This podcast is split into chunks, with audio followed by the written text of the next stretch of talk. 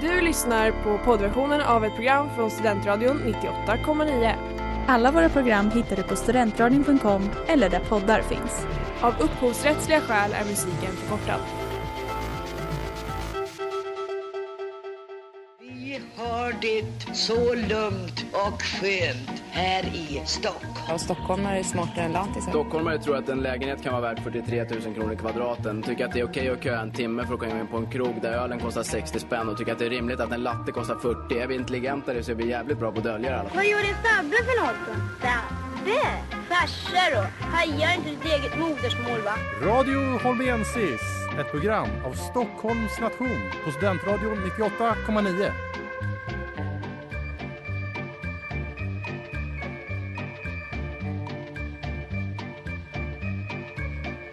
Ja, hej och hjärtligt välkomna till ännu ett program av Radio Holmiensis, ett program av Stockholms nation här på Studentradion 98,9. Vi som kommer att sända detta program och vägleda denna timme, det är jag, Oskar Angestav, tillsammans med Viktor Rydgård. och idag så kommer vi att avhandla ett ämne som kanske inte är jätteaktuellt just nu, men som imorgon för ett år sedan var ytterst aktuellt, nämligen nöd, nationens öde i dina händer. Det är nämligen då imorgon ett år sedan denna kampanj instiftades. När vi tänker på nöd, vad tänker vi på då? Ja, jag tycker att det är en väldigt eh, catchy slogan, eller alltså en akronym. Nationens överlevnad i dina händer, eller ja, Stockholms nations överlevnad i dina händer. Det låter väldigt ödesmättat och det kanske är, eh, ja det var väl avsikten kanske när man skapade den. Ja, och om man ska lägga till någonting kort så är det väl kanske engagemanget som fanns bakom det, att det var verkligen drivet av och för studenter. I det här programmet då så kommer vi att avhandla vad nöd var, varför vi instiftade, vad de bakomliggande anledningarna till nöd var. Kopplat till historien med stöd, som ja, det har ju avhandlats lite under hösten, men stöd har vi upp igen. Och sen, Mm. vad inträffade under nöd och vad blev utfallet av nöd? Och vad kan vi göra för att undvika en eh, till nöd om 20 år? Ja, det är saker som det här programmet kommer att avhandla.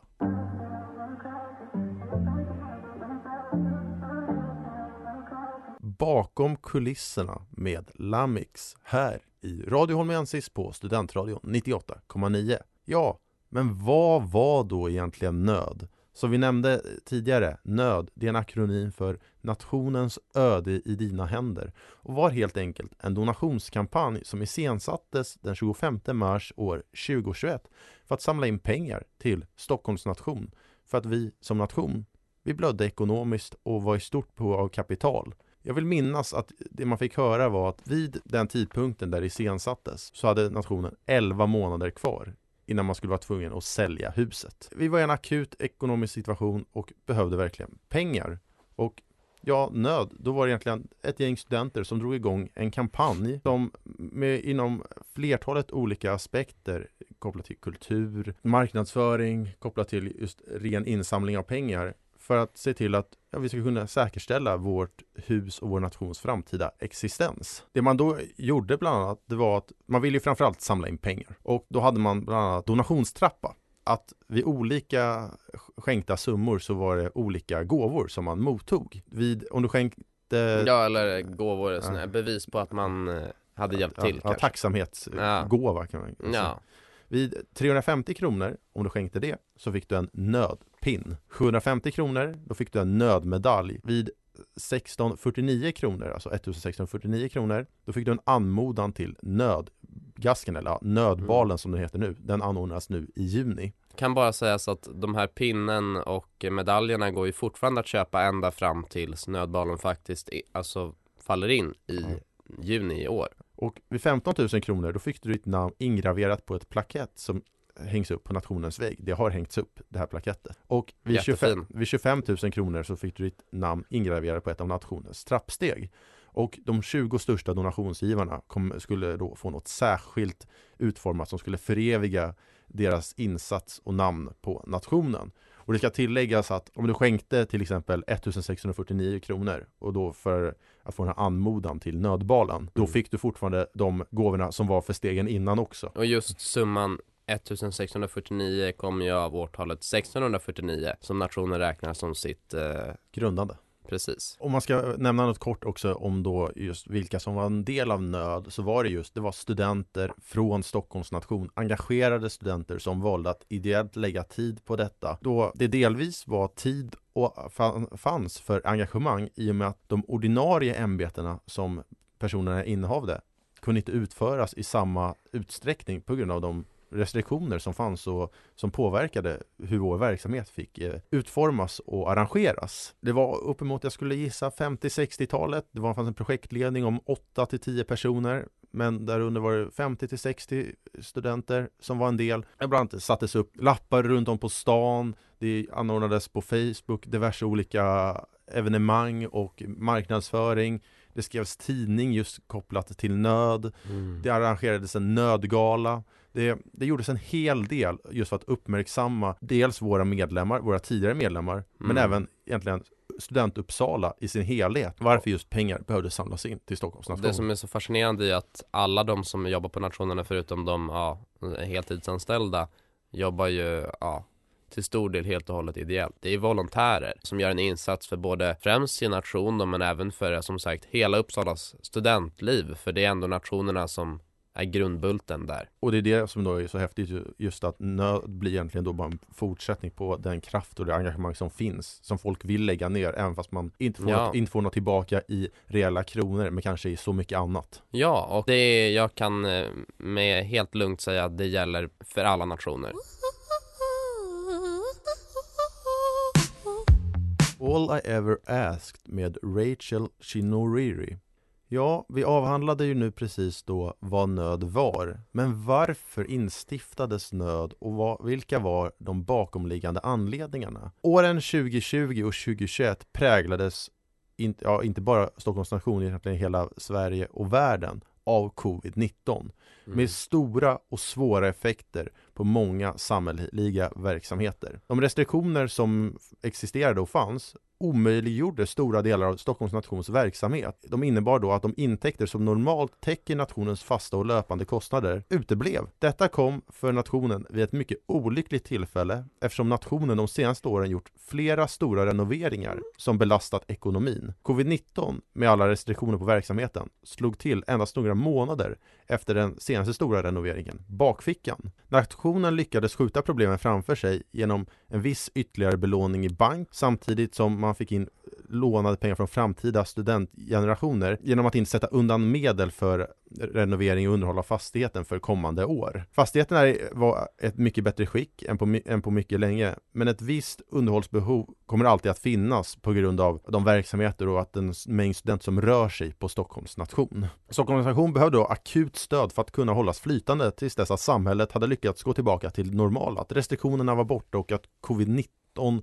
var på en hanterlig nivå. Och när den akuta krisen är över skulle nationen återställa långsiktig ekonomisk ordning och balans i organisationen. Målet var att nationen ska fortsätta leva vidare idag men även ge bästa möjliga förutsättningar för att framtida generationer ska kunna fortsätta förvalta nationen. Kassaflödet i verksamheten är och var ofrånkomligen negativt fram till dess att normala verksamheter och dess omfång skulle kunna återuppstå. Och för att då undvika att en likviditetskris skulle uppstå under 2021 och de närmaste närmaste åren framöver så vill man samla in, man satte upp ett mål på 5 miljoner kronor. Om man bara ska kort summera det här så är det egentligen att ja, vi drabbades av effekterna av covid-19 och att de slog till väldigt olyckligt på grund av att vi bara några månader innan, hösten 2019, hade invigt Bakfickan, ett projekt som man hade arbetat med i flera år och som hade belastat ekonomin. Bakfickan har blivit en succé, men det var inte gratis att bygga. Den slog till, alltså, kombinationen med att vi hade precis lagt undan rätt mycket pengar för att bygga bakfickan tillsammans med att covid-19 inträffade och lamslog hela ja, studentuppsala, Sverige, världen. Det blev extremt, extremt olyckligt för Stockholms nation. Det gäller såklart alla andra nationer också. Vi var inte den enda nationen som samlade in pengar eller hade en donationskampanj. Men vi är väldigt stolta över vad vi gjorde. Ja, hur pass bra det ändå gick. Man säger. Och ännu mer, alltså, det är tråkigt att tala pengar tycker jag. Det är mycket roligare att prata om det engagemang som vi redan har alltså, nämnt som just, ja men det här, just den här, ja men den här kämpaglöden, den här, alltså jävlar anamma. Att folk verkligen ger det lilla, lilla extra när de redan har liksom mycket plugg. Och så gör de det här ut utöver det. Och det tycker jag är fascinerande att se.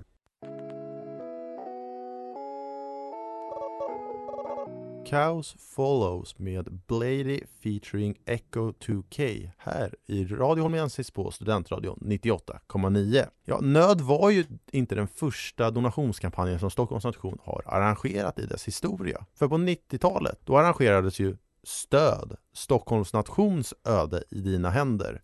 Och den kampanjen blev också mycket, mycket framgångsrik. För allt sedan 1890-talet så har ju det gamla huset på Stockholms nation sjunkit mot ån. Lutningen är ungefär 90 cm från den ena änden av huset till den andra.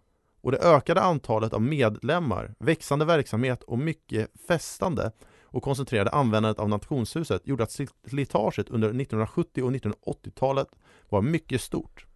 Smärre reparationer genomfördes och utfördes genom åren, men i slutet av 1980-talet började situationen bli ohållbar. Insamlingen som möjliggjorde renoveringen, då stöd, var mycket framgångsrik och mängden donationer som inkom till nationen överträffade alla förväntningar. En avgörande grundplåt utgjordes av de tre miljoner som nationen fick vid försäljningen av Carl Larssons akvarell Esbjörn som tänkare. Som då tack vare stöd så kunde man säkerställa ekonomin och utföra en omfattande renovering som påbörjades under våren 1992. Det gamla huset förstärktes då kraftigt och hela gamla huset utom landskapssalen målades om. Baren kläddes i ett vitt och svart kakel och nya salen renoverades och marmorerades i grått. Prins Eugens målning Stockholms slott fick en ny placering över trappan upp till nya salen. Men originalmålningen har senare deponerats hos Uppsala universitet och över trappan hänger nu en kopia. Ja, stöd, det har vi pratat om lite under hösten och ja, precis som då så då gjorde man ju en sång vid den tid och den lät så här. Jag är Stockholms station och jag har säkert en miljon repor i lacken.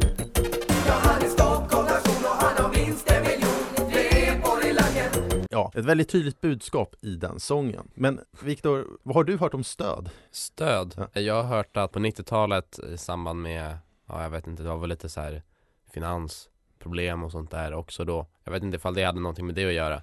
På samma sätt som det var så tydligt kopplat till coronakrisen liksom för oss. Men att då blev det också ont om pengar. Och då behövde man också anordna en insamlingskampanj. Ja, en fundraiser. Det är det jag har hört. Men ja. jag, jag, vet inte mer än så. Nej, den varade också i flera år. Vet Oj. jag då att man hade, ja. man hade så kallad stödgeneral som var som en form av, ah. tror jag, ämbete eller något dylikt som där man hade liksom ett år man la ner på att vara general och ledde då insamlingen. Ah. Men det är ta tack vare stöd som vi har fått vår kakelbar som ändå har blivit rätt karaktäriserande för Stockholms ah. nation. Men just med stöd, om man ska jämföra det med nöd, så att stöd behövde införas var, var mycket en konsekvens av att Nationshuset behövde upprustas på grund av det växande medlemsantalet och de växande verksamheterna. Det blev, huset var så slitet och inte anpassat för det engagemang som höll på att växa fram på Stockholms nation i jämförelse med nu där vi egentligen i dagsläget och ja, då för ja, men sen två år tillbaka när Corona inträffade har haft ett stort engagemang egentligen hela tiden men där det var just pandemin som påverkade och lamslog hur ämbeten egentligen kunde utföras mm. och även hur, hur gäster fick uppföra sig egentligen när de var och besökte Stockholms nation i termer av att det var ju de här restriktionerna med att man skulle sittande servering, mm. ingen dans, det var avstånd mellan bord. Ja, och något som jag tänkte på som ny student i Uppsala så var det extremt påtagligt det här med att, alltså det var ju det här att det var ett, bord, ett sällskap per bord, vilket i praktiken kunde leda till att ett sällskap på tre personer kunde ta upp ett bord avsett för sex. Så fick ingen annan sätta sig där. Eh, så man gick ju förbi, jag, det var många gånger jag gick förbi bakfickan och eh, kollade in de fina stora fönstren och ja, ah, det är ledigt. Och sen så när man väl kommer in i dörren så är det, aha, du har inget sällskap. Och det var lite så samma, då fick jag, alltså det var så en riktigt dålig känsla i magen. För jag var en sån som ville gå runt lite så här, testa så här, men vilken nation vill jag engagera mig på? Är det Stocken liksom? Eller är det kanske Snärkes? Eller är det någon helt annan nation som Gotland som också är mysig pub liksom? Överallt så möttes man av samma liksom det här, har du ett sällskap? Och för en person som då kanske inte har ett sällskap utan bara vill eh, testa liksom, känna in stämningen lite, kanske lära känna någon så var det totalt omöjligt för att man fick, för ja, kanske komma in på nåder sitta med en skrubb eller alltså så här, eh, och sen så när man väl hade kommit in så var det ju inget mingel mellan borden och det är ju så man lär känna folk. Det ska tilläggas att från början när, när covid inträffade så var det ju restriktionerna som var då de förändrades ju också under tiden. Jag kommer ihåg i början, just våren 20, då fanns det inga begränsningar egentligen kring hur många du fick sitta vid ett bord. Utan man skulle ha avstånd till nästa sällskap, men sen om du satt fem eller femton vid ett bord, det var egentligen sak samma. Mm. Men det var ju framförallt där vid november, december 2020 som det verkligen slog till på allvar när vi, ja men, när egentligen, ja men pubbar var tvungna att ställ, stänga vid klockan åtta på kvällen sen efter Ja. jul. Happy Ending med Jelly Crystal och och Alice Boman, vilket även är veckans singel här i Radio Holmiensis på Studentradion 98,9. Ja, men nu när vi har pratat om de historiska kopplingarna mellan nöd och stöd och vad, varför nöd instiftades och vad det egentligen var. Och vad stod akronymen stöd för? Var det Stockholms? Stockholms, Stockholms nations öde i dina händer och nöd blev då nationens öde i dina händer. Aha. Så är det väl inte mer än rätt att prata om vad som egentligen inträffade under nöd för att Mm. även om nöd var en donationskampanj där man skulle Mm. samla in pengar så var det ändå saker som inträffade lite events och lite så här saker just för att öka marknadsföringen för det, öka medvetandet om det runt Mm. om i Uppsala och i Stockholm även för den delen. Och Ja. även för att Bland gamla nationsmedlemmar kanske för längre sen än ja, den, innan våra liksom, innan våra föräldrar, alltså som är äldre än våra föräldrar och sånt där. För det är ofta de som har, sitter på mycket pengar om man säger så. ja. Och, men även i form av att man deltog i olika lotterier Ja. kan vi uttrycka det. För att det som bland annat anordnades var ju aktioner som arrangerades med olika priser där då, ja men där summan som samlades in då i aktionen oavkortat gick till nöd. Mm. Och vi hade ju bland annat då att man skulle få komponera sin egen burgare i bakfickan. Mm. Vi hade att man skulle ha, få en plats för sig, en anmodan för sig själv plus en till till vår jubileumsbal som kommer vara 2024 då vi, vi Stockholms nation firar 375 år som nation. Mm. Och sen Mm. så var det även det här livstidsbrytet till vår ja, men beryktade torsdagsklubb. Mm. Och jag tror att om jag minns rätt så var livstidsbrytet det som det var mest, flest ville åt och Mm. det blev inte billigt för den som i slutändan kom över det. Femsiffrigt. Ja, jag vill, jag vill minnas att det minst var ett femsiffrigt belopp som det gick på. Och eh, vi hoppas att den personen känner att han får, han eller hon får eh, avkastning för sin donation. Och sen hade vi ju även det här när vi skulle springa. Jag, jag kommer inte ihåg exakt vad det hette, men man skulle, det var framförallt tror jag det här mer bland om det var ämbetsmän var kanske de som framförallt deltog i det, men det var även andra som gjorde det. Mm. Där vi skulle springa sträckan motsvarande som det är till Malmö nation nere i I Lund. Lund. Ja, Ja. För, just för att, säger, att vi åker ner till vårbalen då när de under våren när de anordnar sin vårbal. Och sen så kommer Gustav de, Adolfs eh, också. Ja men det är Göteborgs nation som arrangerar den. den. På hösten åker vi ner för Ålagillet på Malmö nation. Jaha, de åkte ner för Gustav Adolfs grejen. Ja. Mm. Och vad heter det då skulle vi i alla fall motsvarande, alltså folk springa då olika sträckor, det kunde vara allt mellan att man kunde gå någon kilometer till att vissa Mm. sprang flera mil här i Uppsala. Mm. För vi skulle då samla ihop sträckan då ner till Malmö nation. Och Mm. jag vill minnas att vi slog den med råge och att det var många som deltog. Och det fanns nådde även, väl ända ner till norra Tyskland jag vill nästan minnas, i alla fall minst Danmark. Jag vet, vi var Ja. över bron. Tyskland och Danmark Ja. är ju Och eh, under den här eh, just springevenemanget så fanns det även olika priser. Det var att man, jag tror att man skulle lägga upp en bild eller någonting och så kunde man vinna olika priser från när man hade sprungit som bevis på, på sträckan då som man hade sprungit. Och det, det var en liten hype kring den här, vill jag Mm. minnas, att när Jo, var i Det var kul att se bilderna på svettiga folk på någon eh, landsväg och sånt där ja. Men det som framförallt som jag kommer ihåg, det var ju Nödgalan som arrangerades då Mm. i april. Jag Mm. kommer inte ihåg exakt datum nu. Så var ett livesänt event på Facebook där man egentligen hade en kväll för att minnas liksom, ja, men vad Stockholms nation är och prata om det för allmänheten. Det var intervjuer med gamla engagerade, nuvarande engagerade, man fick en bild in i verksamheten. Det var uppträdanden från vår damkör Erato, det var från vår dansgrupp LEV, det var intervjuer med gamla spexare, med gamla eh, heltidare. Jag tror det var någon som hade varit kurator på, ja men kan det vara till och med 50-tal som alltså fortfarande var i liv som blev intervjuad och man Mm. pratade egentligen vad Stockholms nation är. Man ville egentligen med vad är Stockholms nation? För att för oss som är så engagerade ja. så kanske det är ändå rätt givet för oss vad det är. Men för allmänheten, man hör om studentnationerna i Mm. Uppsala, Lund. Ja, vad, vad är de? Och den här kvällen gav egentligen ett rätt bra bild över det och Mm. om man idag inte eh, har sett det här så finns det här fortfarande att se på, på i våra olika kanaler finns det att se hela Nödgalan. Finns man, det på Youtube? osäker, men jag tror det finns på Facebook. Och eh, just för att ta del av det, för att det var, var ett väldigt fint grej och man, man gick igenom också men de olika verksamheterna i huset. Vad, vad gör liksom dagverket? Vad gör kvällsverket? Vad gör tidningen? Vad gör Ja klubbverket? Det var så här, man fick verkligen inblick. Det här innebär egentligen att vara engagerad just i det här verket på den här platsen på Stockholms nation. Och Ja. och sen så kanske lite hur nationslivet har förändrats för att Ja, för hundra år sedan så skulle det ju Ja, eh, universitetet öppnade väl, den var väl öppen för kvinnor tror jag men Stockholms nation hade fortfarande, eller alla nationer hade väldigt mycket karaktären av herrklubbar för unga män. Sen så ändrades det ju det där, ja från 40-talet och framåt ungefär Väldigt mycket. Och även om du var, om du var på nationen på sig Jag såg ett reportage nu, någon som hade vuxit upp på nationen på 60-talet som hon var väl född på 40, ja 50-talet då. Hade vuxit upp här på nationen för att hennes pappa var vaktmästare tror jag. De bodde ju på Stockholms nation i en vaktmästarbostad. Mm. De bodde i nationshuset. Hon växte upp bokstavligen i nationshuset. Ja. Eller i ett hus intill, jag vet inte ifall det var, vad det var exakt. Jag tror att det var ett, jag tror att det var hus.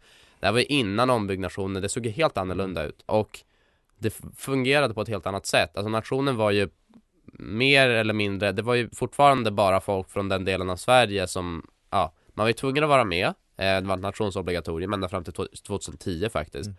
Och det var bara folk som hade anknytning till den delen, ja, man, man gick med i nationen från den delen av landet, man kom ifrån.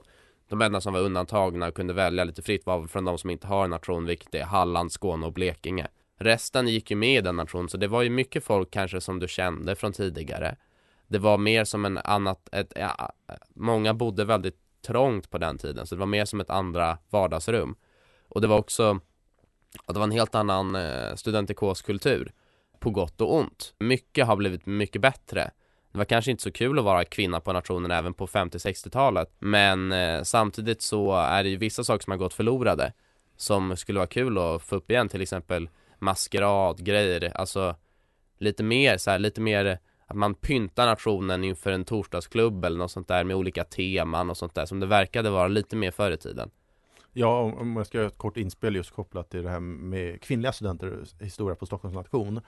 Så den första som skrev in sig på Uppsala universitet var ju 1872 och den Mm. första som skrev in sig på Stockholms nation, Johanna Levisson, hon skrev in sig 1873. Men det dröjde fram till 1966 innan vi fick vår första kvinnliga förstekurator, Annika Precis. Hökeberg.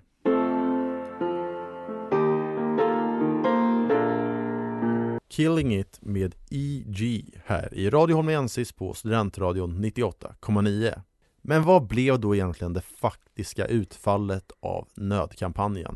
Ja, man kan ju börja kort att prata om att vi lyckades ju säkerställa att nationen skulle fortsätta att kunna existera. Vi behöver inte sälja av huset. Och om vi ska prata i faktiska kronor så samlades det upp i rena donationsbidrag uppemot 2 miljoner kronor från personer, från olika familjer, från stiftelser, från men, aktörer som ville stötta eh, oss i den svåra tid som vi var i just då. Jag vet att bland annat vår, ja, men vår vännation i Lund, Malmö nation, skänkte ju pengar till oss. Såväl som olika stiftelser, personer som var tidigare engagerade, olika sällskap på nationen eh, med, som har varit aktiva under en längre tid, samlade in pengar. Det, det fanns en stor uppslutning och det ledde till att uppemot två miljoner samlades in till Stockholms nation. Och man ska även tillägga att även om nöd eller så här, verksamheterna kan ju nu beva- äh, genomföras i dess ordinarie tanke så Mm. kan man ju fortfarande skänka pengar till nöd och om man vill ha en pin eller en medalj. Precis som vi sa Ja. tidigare i programmet. Så att det kommer ju Mm. pågå egentligen fram till att nödbalen arrangeras vilket är den 4 juni.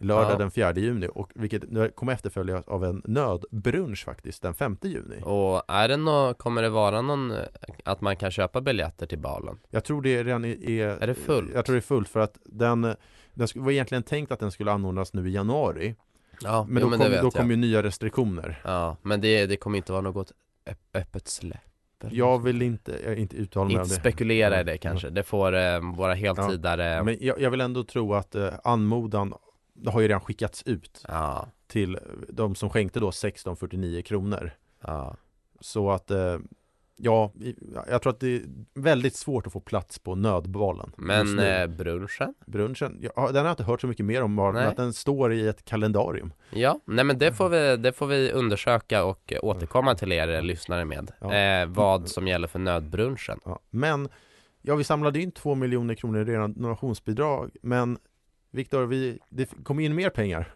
Ja, jag vet inte. Ja, vi samlade in mycket pengar. Eh, jag vet inte, nämnde du någon siffra, Oskar? Men uppemot två miljoner samlade Ja, vi precis. in i donationsbidrag Och sen så fick vi ju, ja, eh, dåvarande andrekuratorn Jan Milton Fick ju, blev ju tipsad av en, eh, en som var nationsaktiv eh, på 90-talet någon gång Att vi också borde söka ansöka om stöd från staten i den här återuppstartningsfond, eller jag vet inte vad det är, det är väl ingen fond Återuppstartningsstöd Bidrag, för, för, eh. På grund av drabbats av coronans verksamhet Precis, som många ja, klubbar och kulturinrättningar och teatrar och liknande har gjort med eh, större eller mindre framgång om man säger så. Det har varit ganska svårt att få det här bidraget måste ändå nämnas för jag har lite så här känningar i kulturbranschen att det är inte alla som har fått det här stödet. Det är ganska snäva kriterier och det är många som har fallit mellan stolarna. Men hur mycket fick vi in då? Vi, jag tror, jag minnet av att de i princip matchade det vi själva hade samlat in. Så vi fick, om vi samlade in då, vad sa du? Två mil- Vi säger två miljoner vi säger två miljoner. Så tror jag att vi fick ungefär lika mycket i bidrag från staten. Ja, så Eh, som, eh, ja, eh, till hjälp, alltså som, ja, som hjälp Ja. eh, för att ta oss igenom och ur pandemin. Så summa summarum så hoppas vi nu att Stockholms nation har en stabil grund att stå på inför Ja, framtiden. och att vi, ja, att vi bygger en buffert, eh, lägger undan, sparar från dem, alltså vi drar ju in mycket pengar på våra olika verksamheter, det är ju som sagt det är mycket kostnader men vi tjänar ändå lite och att man då kanske lägger undan varje kvartal eller något sånt, att man lägger undan en viss summa som man får, kan bestämma från tid till tid. Så man, och det vet jag att vår nuvarande andrekurator Maja Heyman har pratat just om det här på sitt, an, på sitt anförande va, om varför hon skulle bli vald till just andrekurator. Att hon vill spara i ladorna. Det här uttrycket som Magdalena Andersson, vår nuvarande statsminister, älskar. Och det kände jag, det kändes tryggt. Det känns tryggt att ha henne vid rodret.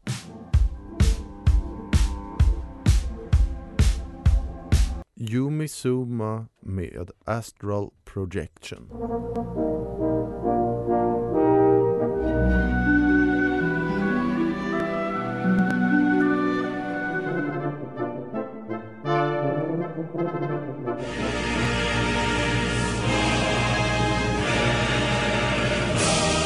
Och ja, vi har ju pratat om donationskampanj och insamlandet av pengar och ja, du nämnde ju begreppet nu alldeles nyligen Viktor, här med att ha pengar i ladorna. Ja, spara i ladorna. Ja. Och eh, något, ett land som jag har, har problem med sin ekonomi, om vi ska uttrycka det milt, just nu, är ju Ryssland. Och man pratar nu till och med om att Ryssland är på väg att gå i statsbankrutt. Och det är ett bidrag som egentligen bara åsyftar när en stat helt eller delvis ställer in betalningen av sin statsskuld eller andra betalningar. Och det som då man pratar om det är att de här ekonomiska sanktionerna som har riktats mot Ryssland, de har i dagsläget egentligen paralyserat rysk ekonomi. Rubeln har tappat extremt mycket i värde och Den ryska börsen stängde för en månad sedan och är planerad att återöppna idag tror jag. ja, den återöppnade men den gick ju ner 45% under var första dagen. Stängde de den då? Eller Ja, den nej? varit, jo, den har varit stängt i någon, några veckor. Jag vet men de, alltså den har ju varit stängd, jag vet den återöppnade men de ska återöppna den Alltså lite mer idag tror jag Det var snack, jag såg det på nyheterna igår Ja, idag då to- 24 mars eh,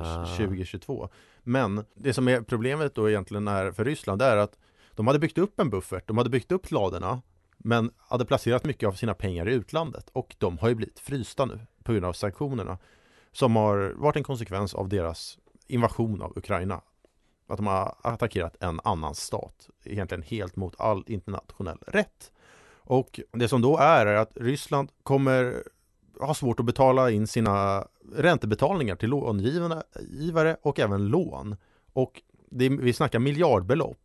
Och in, om inte de betalas då inom 30 dagar, då kommer landet att brann, brännmärkas med inställda betalningar, vilket kommer strypa Rysslands möjlighet att kunna ta nya lån till rimlig ränta under väldigt lång tid framöver. Ungefär som en sån här man får anmärkning på sitt kredit eh, Exakt, att man, alltså kreditvärdigheten för den ryska staten är, sjunker i botten. Ingen kommer vilja låna pengar till dem för att de det finns ingen säkerhet att Mm. kunna få tillbaka pengarna. Och alla de här egentligen, när man lånar pengar internationellt, valutan som har dominerat de här låneöverenskommelserna har varit alla transaktioner. Exakt, Ja. är ju dollarn. Amerikanska Ja, dollar. exakt, amerikanska dollarn. Och det är därför nu Ryssland pratar om att de ska betala in de här i ruben. Och ruben den har ju verkligen ja, men inget Stört värde. dykt. Den har ju i princip inget värde just nu. Och huruvida då Ryssland kommer bli statsbankrutt eller inte. Många säger att det har inte skett än. Men i praktiken är de det redan för att om, många pratar om datumet 15 april. Då är det stora inbetalningar som ska göras till olika aktörer. Och att det datumet då kommer, man vet redan nu i dagsläget att det kommer vara en omöjlighet för Ryssland som stat att kunna betala av sina både räntebetalningar och sina lån på statsskulden. Så i praktiken är väl Ryssland redan Om eh, inte så bankrutt så på väldigt nära bankrutt. Ja så här, just nu är de formellt inte statsbankrutta men det kommer ske inom en väldigt snar framtid. Det ska även tilläggas att det här att inte betala av på sin internationella skuld i utländsk valuta, det är något som Ryssland inte har ställt in sedan 1918 när ryska bolsjevikerna efter den ryska revolutionen vägrade att ta ansvar för det störtade tsardömets skulder. Necessary Drama med Bell and Sebastian här i Radio Holmensis på Studentradion 98,9. Ja, nu börjar det här programmet att närma sig sitt slut och vi har ju i det här programmet då avhandlat att det imorgon, fredag den 25 mars, är ett år sedan nödkampanjen sjösattes för Stockholms nation. Vi har pratat om vad det var, bakomliggande anledningar, kopplat det till stödkampanjen och vad som inträffade under nöd och även vad utfallet blev. Men för att avrunda så är det ändå några uppmaningar som vi vill ge till alla. Dels, köp biljett till Marsbäckset. Det är verkligen, de biljetterna säljer verkligen som smör i solsken och de håller verkligen på att ta slut till föreställningarna. Så hugg en biljett för ni kommer inte vilja missa det här Marsbäckset. Det kommer bli något utöver det vanliga. Sen så är det ju ändå så att nästa vecka måndag den 28, tisdag den 29 och onsdag den 30 då börjar vi sälja våra valborgsband till Stocken Garden samt biljetter till Champagnegaloppen på Valborg. Och på tisdag då, för er medlemmar, kom och köa i tid för att ni kommer vilja ha ett sånt här band för att de kommer gå att extremt fort. Av erfarenhet så vet jag att folk börjar köa extremt tidigt och det är inte ens säkert ibland att man får ett band för att det finns bara ett begränsat antal och det gäller att vara på plats och, och tidigt och försöka få tag i ett. Om man, Väldigt tidigt. Ja, och slutligen ikväll då, torsdag den 24 mars, då går ju Sverige upp mot Tjeckien i VM-kvalet i fotboll. Så Ja, vi säger egentligen bara heja Sverige! heja Sverige och eh, kom till torsdagsklubben för det är tentatorsdag idag. Så det lär nog bli drag och eh, lönen rullar ju in och CSN när klockan har slagit 12. Så då kan det nog bli bra drag i Kake eller Nya och överallt på En- Stockholms nation. En eh, tuff kväll för våra klubbverkare. Ja, Men det gillar de. ja, och vi som har sänt det här programmet är Viktor Rydgård. och jag, Oskar Angerstav, och vi önskar er en fantastiskt härlig torsdag.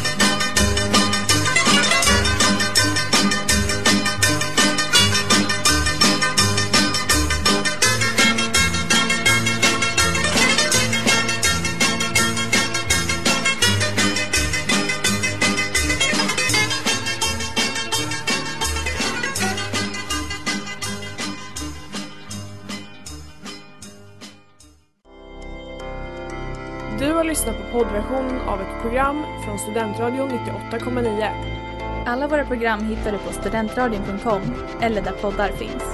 Och kom ihåg, att lyssna fritt är stort, att lyssna rätt är större.